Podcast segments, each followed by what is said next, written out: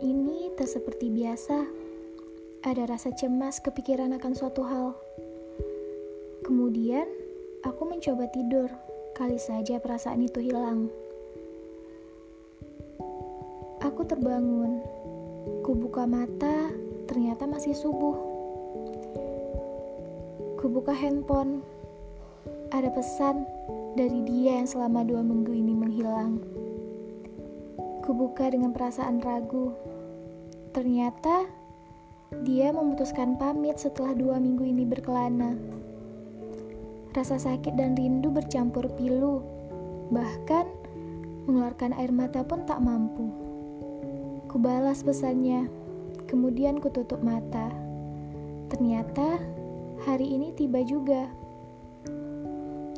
Berpisah kali ini rasanya beda. Mungkin karena dia beri aku waktu, beri aku ruang untuk terbiasa tanpanya. Untuk kamu, terima kasih. Terima kasih untuk waktu-waktunya.